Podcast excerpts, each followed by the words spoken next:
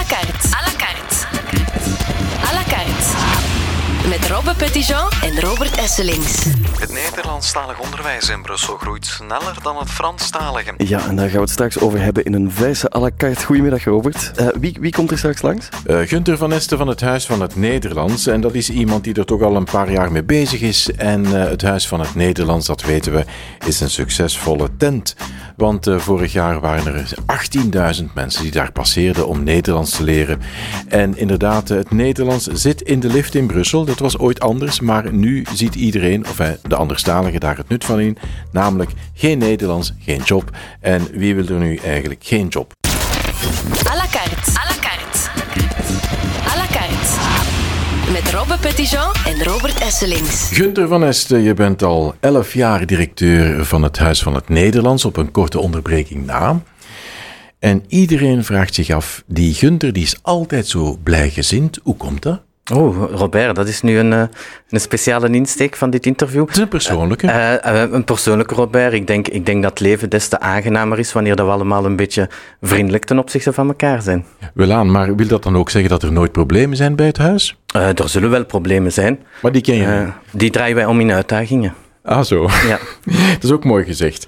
Zeg, je, je doet het dus nog altijd graag na elf jaar. Absoluut. Ik denk dat het een heel dankbare job is om in Brussel te kunnen werken aan Nederlands in deze meertalige stad. Kansen voor de mensen. Ik denk dat dat een ongelooflijke fijne job is, niet alleen voor mij, maar eigenlijk ook voor iedereen bij ons op het werk, of de lesgevers en T2 zelf. Ja, over uh, de werking zelf zullen we het uh, zo dadelijk hebben, maar het is inderdaad zo dat het uh, huis een successtory is. Vorig jaar waren er 18.000 mensen die interesse hadden in het Nederlands om dat te volgen. Het is ooit anders geweest. Uh, ooit anders geweest, ja. Voordat wij bestonden was het voor Brusselaars misschien wat moeilijker om de weg te vinden naar de Nederlandse les. Anderzijds merken wij ook wel dat de visie op taal en meertaligheid in deze stad toch wel veranderd is. Waar Brussel vroeger in hoofdzaak een Franstalige stad was, is dat nu een stad van honderden, tientallen talen die dagdagelijks gebruikt worden. Nederlands is er daar één van. En Nederlands is in dit gewest en onze aanliggende gewesten een heel belangrijke taal om werk te vinden of om een goede opleiding te volgen. Dat is de motor. Dat is inderdaad de motor. Om een misverstand uit de weg te ruimen, voor alle duidelijkheid, jullie organiseren niet zelf lessen Nederlands. Nee, de lessen Nederlands worden georganiseerd door onze partners. Dat kunnen centra voor volwassenenonderwijs zijn, basiseducatie, een universitair taaltraject, VDAB Sintra in uh, combinatie met een opleiding. Wat wij zijn is eigenlijk de ingangspoort. Ja. Dus als je iets met Nederlands wil doen, dan komen de mensen tot bij ons en wij gaan die mensen screenen. Dus wij hebben met hun een gesprek over hun profiel, waarom zij Nederlands willen leren. Wij testen hen, welk niveau Nederlands hebben zij of welk leervermogen hebben zij. En vervolgens formuleren wij het aanbod wat voor hun het meest geschikt is en kunnen zij op basis daarvan de juiste keuze maken. Ja, het lerarentekort zit niet bij jullie. Dat zit niet bij ons. Hè. Momenteel het lerarentekort, dus uh, onze partners uh, hebben honderden leraars NT2. En op dit ogenblik is het zo uh, dat die vacatures ingevuld geraken. Ja, het is ook anders. In het gewone onderwijs hoorden we gisteren Emmanuel Hiel in Schaarbeek. En ook op andere plekken zoeken ze nog uh, leraars Nederlands. Het ene kan het andere niet bevruchten, heeft niks met elkaar te maken. Dus. Nu, vele leraars, vele leraars hè, staan ofwel in het secundair onderwijs waar ze Nederlands kunnen geven, of in de O-kantklasse, of staan bij ons in, in het volwassenenonderwijs. Dus dat kan zeker. Hè. Het zal zaak zijn om de goede match te vinden. Uh, vaak speelt ook de eigen interesse van de leraar wel mee. Hè. En het is een andere groep waaraan je les geeft, wanneer dat je dat doet voor volwassenen die zelf kiezen om Nederlands te gaan volgen, of je doet dat in een secundaire school binnen het leerplichtonderwijs. Ja, er wordt uh, volop verbouwd bij jullie in de Philippe uh, de Champagnestraat, want daar zitten jullie eigenlijk. Ja. Uh, waarom? Om wat geld uit te geven van de belastingbetaler? het zou mooi zijn, Robert. Nee, het is letterlijk zo dat wij uit onze voegen barsten. Ik denk dat je daar net de cijfers gezegd hebt. We hebben 18.000 individuele bezoekers per jaar. Daarnaast hebben wij ook nog een ondersteuning naar organisaties en anderen. En ons huis is letterlijk te klein geworden. Dus wij zijn de overheden, Vlaamse overheid, VGC, heel dankbaar dat zij in ons gebouw investeren. Bedoeling is om van ons gebouw ook een open gebouw te maken. Want ik kan dat wel zeggen, als je een vraag hebt rond Nederlands, kom bij ons binnen. Mm. Bedoeling is dat zich dat ook vertaalt in het gebouw en dat wij eigenlijk een open werking krijgen waar iedereen met een vraag rond Nederlands rond binnen kan stappen. Wil dat dan zeggen dat er meer loketten gaan zijn of zo? Uh, de loketten zullen, zullen meer op maat gemaakt worden. Wat ik daarnet zei, we kijken naar het profiel van onze klant. Uh, dat kan een individu zijn, dat kan ook een organisatie of een bedrijf zijn. En wij zullen meer op maat gaan werken. Zodanig dat wij eigenlijk nog beter het aanbod kunnen formuleren op vraag van die klant. Wanneer zijn die verbouwingen af? Want nu ziet het er een beetje miserabel uit beneden, hè? nogal stoffig en zo. Ja, hè? Nu, nu is de uitdaging om het zo, zo vlot mogelijk te laten lopen voor onze klanten. De verbouwingen zijn rond uh, begin 2020. Ja, dat is nog uh, anderhalf jaar ongeveer, iets nee, minder. dat is nog uh, een half jaar. Ja. Ja. Wel aan. À la carte. Je gaf het er net al aan, de belangstelling van anderstaligen voor het Nederlands is gegroeid de voorbije twintig jaar. Uh, jullie werken nu ook al samen met uh, Bruxelles Formation en met Actiris. Dat Ja. is nieuw of niet? Uh, op zich is dat niet nieuw. Wat we wel merken is dat de aandacht voor Nederlands bij Actiris en ook bij Brussel Formation sterk gestegen is. Dat heeft alles te maken natuurlijk met ook die arbeidsmarkt. Uh, waarop dat je terecht kan als je als Brusselaar Frans, Nederlands, Engels spreekt. En ik denk dat dat wel iets is dat nu ondertussen door alle Brusselaars, maar ook door de Brusselse instellingen, uh, als such begrepen is. Ja, uh, komen er dan veel mensen over de vloer of uh, gaan die Nederlands volgen? Over hoeveel man gaat het eigenlijk? Um, wel, over, wij zijn diegenen die voor het eerst mensen ontvangen. Dat zijn er 18.000 per jaar. Dus je moet ja, ja rekenen... maar ik bedoel bij ja. Brussel Formation en Actiris. Uh, daar heb ik de cijfers zelf niet van. Wat wij wel hebben is een samenwerkingsovereenkomst met Actiris, waarbij dat mensen die Nederlands willen leren onder meer naar ons doorverwezen worden. Ja, en uh, in dat verband uh, zijn de verwachtingen soms hoog gespannen. Zo van, leer die een keer wat Vlaams op uh, twee weken? Of hoe zit ja, het eigenlijk? Ja, dat is eigenlijk uh, wat men soms vanuit bedrijven of organisaties kan verwachten. Hè. Daarom doen wij ook, hebben wij ook een werking ontplooid naar bedrijven en organisaties die een bedrijf begeleidt in het realistisch formuleren van uh, verwachtingen rond het Nederlands. Geef eens een voorbeeld. De, de, idee, de idee dat je ja. zegt van, ik wil mijn personeel hier, een winkelcentrum, dat zegt ik wil dat mijn personeel hier binnen drie maanden perfect Nederlands spreekt. Ja, daar gaan wij even mee in gesprek om te zien van welk niveau Nederlands moeten zij kennen, welke woordenschat moeten zij kennen. Dat is anders voor een postbode bijvoorbeeld ja. dan voor een manager of voor een winkelbediende. En dan gaan wij gerichte taallessen organiseren en oefenkansen. Dat kan gaan naar conversatietafels, dat gaat naar taalondersteuning op de werkvloer. Maar belangrijk is dat die werkgever voor ogen houdt dat die personen of zijn werknemers na die drie maanden gericht mensen in het Nederlands zullen kunnen helpen. Dat betekent niet dat die persoon perfect Nederlandstalig is. Nee, maar drie maanden is zo wat de norm? Uh, drie maanden, nee, dat is niet de norm. Dat is als voorbeeld dat ik dat Ja, aanhaal. ja. En dus dat hangt ervan af welk niveau Nederlands dat je wil bereiken voor je personeel.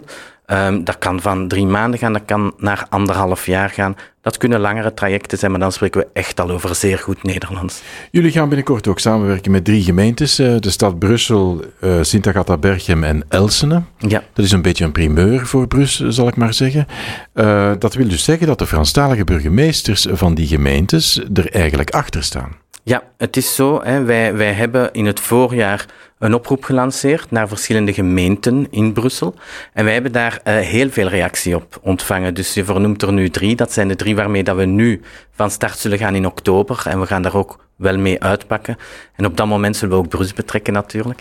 Um, maar um, wat wij vaststellen is die oproep die wij lanceerden, waarvan wij niet meteen wisten van gaat dat aanslaan, gaat dat niet aanslaan, uh, is eigenlijk uh, veel beter ontvangen dan wij verwacht hadden.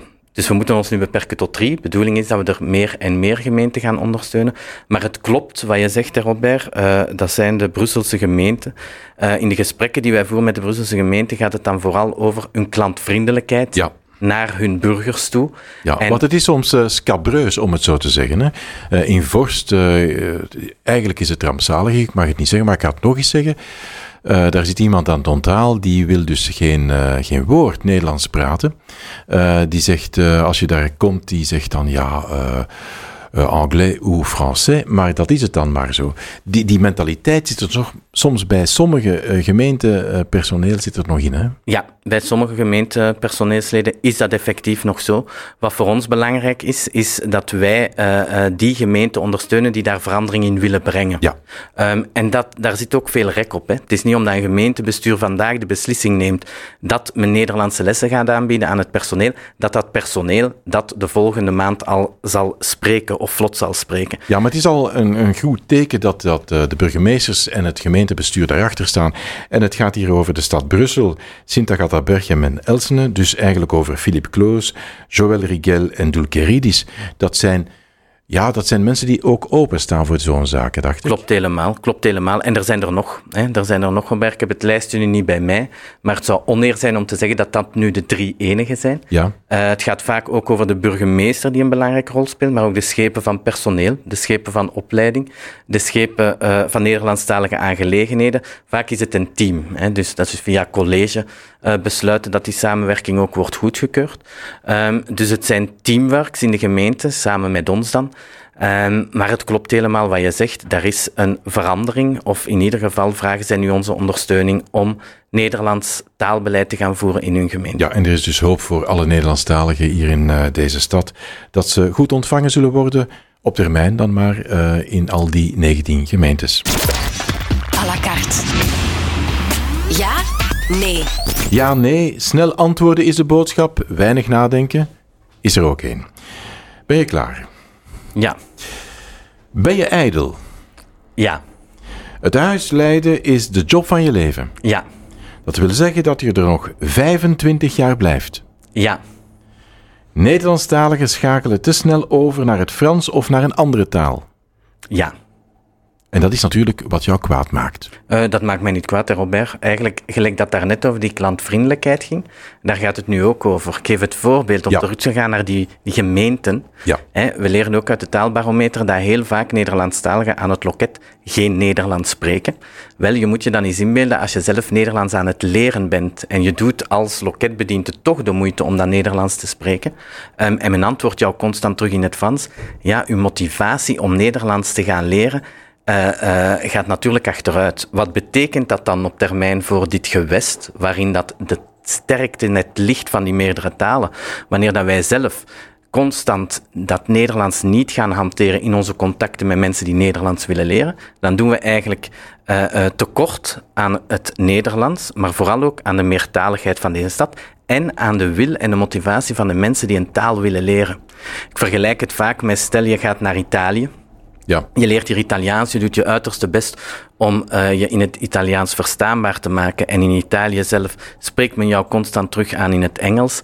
Ja, dan veronderstel ik dat jouw goesting om dat Italiaans te gaan hanteren in Italië ook wel achteruit gaat gaan. Ja, dus, dus alle maakt moeite ons voor kwaad? Nee. nee. Iedereen spreekt de taal die hij wil spreken. Mhm. Alleen is onze oproep, wanneer iemand de moeite wil doen om Nederlands te spreken, is het aan ons Nederlandstaligen ook uh, zo dat wij dan best in het Nederlands terug antwoorden en verder in het Nederlands converseren. Ja, en uh, we moeten inderdaad vaststellen dat dat veel gebeurt. Hè. Als we even door het centrum lopen, uh, mondje Frans praten, dat kunnen we allemaal. Uh, dus we gaan er sneller op in. Dat klopt, dat klopt. En net daar is het voor de mensen die Nederlands leren zeer demotiverend wanneer zij moeite hebben om eigenlijk Nederlandstaligen te vinden, om dat Nederlands mee te onderhouden, te oefenen. Want een taal hè, leer je niet alleen in de klas, maar leer je des te meer in gesprek met de anderen. Ja, het moet in je oren zitten. Hè? Je moet ook denken in de andere taal. Ja, absoluut, absoluut. En voor ons ook Nederlandstaligen is het soms moeilijker om in het Nederlands uh, te praten met iemand die Nederlands leert. Dus het kost voor ons ook wel moeite om even stil te staan bij ons eigen taalgebruik. Mm -hmm. uh, bepaalde uitdrukkingen, uitspraken, accenten toch wel een stukje te gaan verleggen. Dus het is eigenlijk een inspanning ook van beide kanten. Tussen ons gezegd en gezwegen, mijn beste Gunter, hoeveel talen spreek je eigenlijk? Uh, vier. Nederlands, Frans, Engels, Spaans. Ah, ik dacht Duits. Maar, nee, uh... Duits, Duits niet. Ik denk dat ik Jean-Marie Pfaff Duits spreek. Dus wanneer ik in Duitsland ben, probeer ik mij verstaanbaar te maken. En dat lukt wel vaak. Ook daar, Robert, het gaat over spreekdurf. En mijn is Duits is absoluut niet perfect. Ik heb ook nooit Duits gehad. Maar uh, ik durf het wel te spreken. En dan, ja. Wel, dan weet ik uh, iets uh, dat we kunnen doen de komende weken en maanden. Jij leert mij Spaans en ik leer jou Duits. Perfect, Robert. À la carte. En er is een vraag binnen van een luisteraar, mijn beste Gunther. Hoe stimuleer je spreekdurf? Huh. Een goede vraag. Ik denk dat dat er vooral, dat is iets, ik denk dat jij het daarnet zei, Robert, het is iets dat tussen de oren zit. En hoe stimuleer je spreekdurf? Uh, in eerste instantie denk ik door open te staan, ook voor het feit dat mensen nog niet correct de taal spreken. Openstaan, luisteren, tonen dat je geïnteresseerd bent. Af en toe uh, de taal verbeteren, want dat is ook heel dankbaar voor mensen, hè, dat je taal verbeterd wordt, net zoals dat wij een andere taal spreken. Maar vooral interesse tonen, uh, dat kan je ook fysiek doen. Door te kijken naar de mensen, te luisteren en, en eigenlijk met jouw lichaamshouding uit te nodigen om verder in die taal te spreken. Ja, dat is een goeie. Uh, wordt ook gezegd dat Fransen uh, iedereen corrigeren, de echte Fransen, mm -hmm. als een taalfout maken. Ja. Uh, dat doen de anderen minder. Italianen doen dat minder, Duitsers niet, Engelsen die zeggen allemaal, waar heb jij Engels, Duits, Italiaans geleerd? Maar Fransen die, die gaan jou corrigeren. Mogen we niet doen dus. Of niet altijd. Of je niet corrigeert, altijd. je corrigeert, maar je doet dat op een manier waarop het Ja. niet aanvallend klinkt, dan wel ondersteunend. En niet op alle slakken zout leggen. Nee, Voilà. nee. Ja, eh, binnenkort komt er eh, een groepje uit Estland op bezoek, heb ik me laten vertellen. Je bent In- goed geïnformeerd, Robert. Ja, ja, maar ik doe af en toe research. Ja. Zo ja, tussen eh, acht uur s'avonds en acht uur s morgens. Maar goed, Eh, een groep uit Estland. Want die hebben eigenlijk ook een idee om in Tallinn, vermoed ik, de hoofdstad van Estland, een huis van het Est op te richten. Is dat zo? Klopt helemaal, Robert. Klopt helemaal. Dus hè, binnen de Europese, Europese samenwerkingsverbanden zijn wij met het Huis van het Nederlands toch wel een stukje uniek eh, in Europa. Waar is hè, een huis waarin dat je enkel focust op de taal. En men heeft dat ontdekt in Estland. Men is vorig jaar bij ons op bezoek gekomen en dat groepje mag je serieus een groep noemen. Ik denk dat wij vorig jaar een 25-tal mensen uit Estland ontvangen hebben. We hebben onze werking helemaal toegelicht. Hè. Wij hebben een mail laten draaien. Wij hebben ook onze methodieken toegelicht. Dat is vaak inhoudelijk ook uitgewerkt in samenwerking met universiteiten, de testen die wij afnemen. Um, en zij waren zo onder de indruk dat hun uh, minister uh, uh, van Taal en Cultuur, die men in Estland heeft, besloten heeft om een huis van het Ests op te richten. men heeft er nu één opgericht in Tallinn en het tweede zal opengaan in juni in Narva. En het is eigenlijk ook die groep van mensen die in november terug naar Brussel zal komen uh, om van ons huis uh, wat te gaan leren. Hè. Ja. We, gaan dat, we gaan daar natuurlijk ook een stukje mee, we gaan hun ook uh, laten contacten leggen met Europa. We zitten tenslotte in Brussel, mm -hmm. ook met onze overheden enzovoort. En eigenlijk is dat wel voor onszelf. En we pakken er misschien te weinig mee uit, fijn dat jij het weet. Uh, maar voor onszelf is dat toch wel een opsteker uh, dat wij uh, ja, als voorbeeld dienen voor alvast het huis van het Est. Ja. Moeilijk uit te spreken. Ja, moeilijk uit te spreken. Maar, maar wie weet komen er nog wel huizen. Ja, en, en dan is natuurlijk de vraag, wij doen het vooral richting Franstaligen, zij doen het richting Russen? Russen, ja. En ik denk dat uh, de taalsituatie in Estland van die aard is, dat er uh, een grote uh, aanwezigheid is van mensen die Russisch spreken. Um, niet altijd het Ests even goed beheersen, maar ook ondertussen heb je ook wel nieuwkomers in Estland, hè, die uit de hele wereld komen en die ook het Ests moeten aangeleerd krijgen. Zijn er nog uh, nieuwe projecten, andere projecten op stapel? Er staan heel wat projecten op stapel. Hè. We zijn nu bezig aan ons jaarplan aan het schrijven. Een van die projecten zal ook met Brussel Robert. Ik weet niet of dat je daarvan... Uh, ja, ik kan niet alles weten. Nee, je kan niet alles weten. Uh, maar voor ons is het heel belangrijk dat wij projecten opstarten met partners. Uh, waarom? Omdat al die partners weer een ander publiek bereiken. En eigenlijk ja, is dat een beetje onze doelstelling, niet alleen via onszelf, maar in projecten, samenwerkingsverbanden, dat Nederlands, die toeleiding naar dat Nederlands, die ondersteuning van dat Nederlands, nog meer ruimte te geven in Brussel. Gunther van Esten, bedankt voor dit gesprek. Dank u wel. Voor je het weet leer je gewoon alles bij over de Estse taalkwestie. Onthoud misschien vooral, durven spreken is het belangrijkste, zeker als je een nieuwe taal leert. À la carte, dat is elke dag opnieuw een interessante gast op radio en tv. Stel jouw vraag via beurs.be of WhatsApp.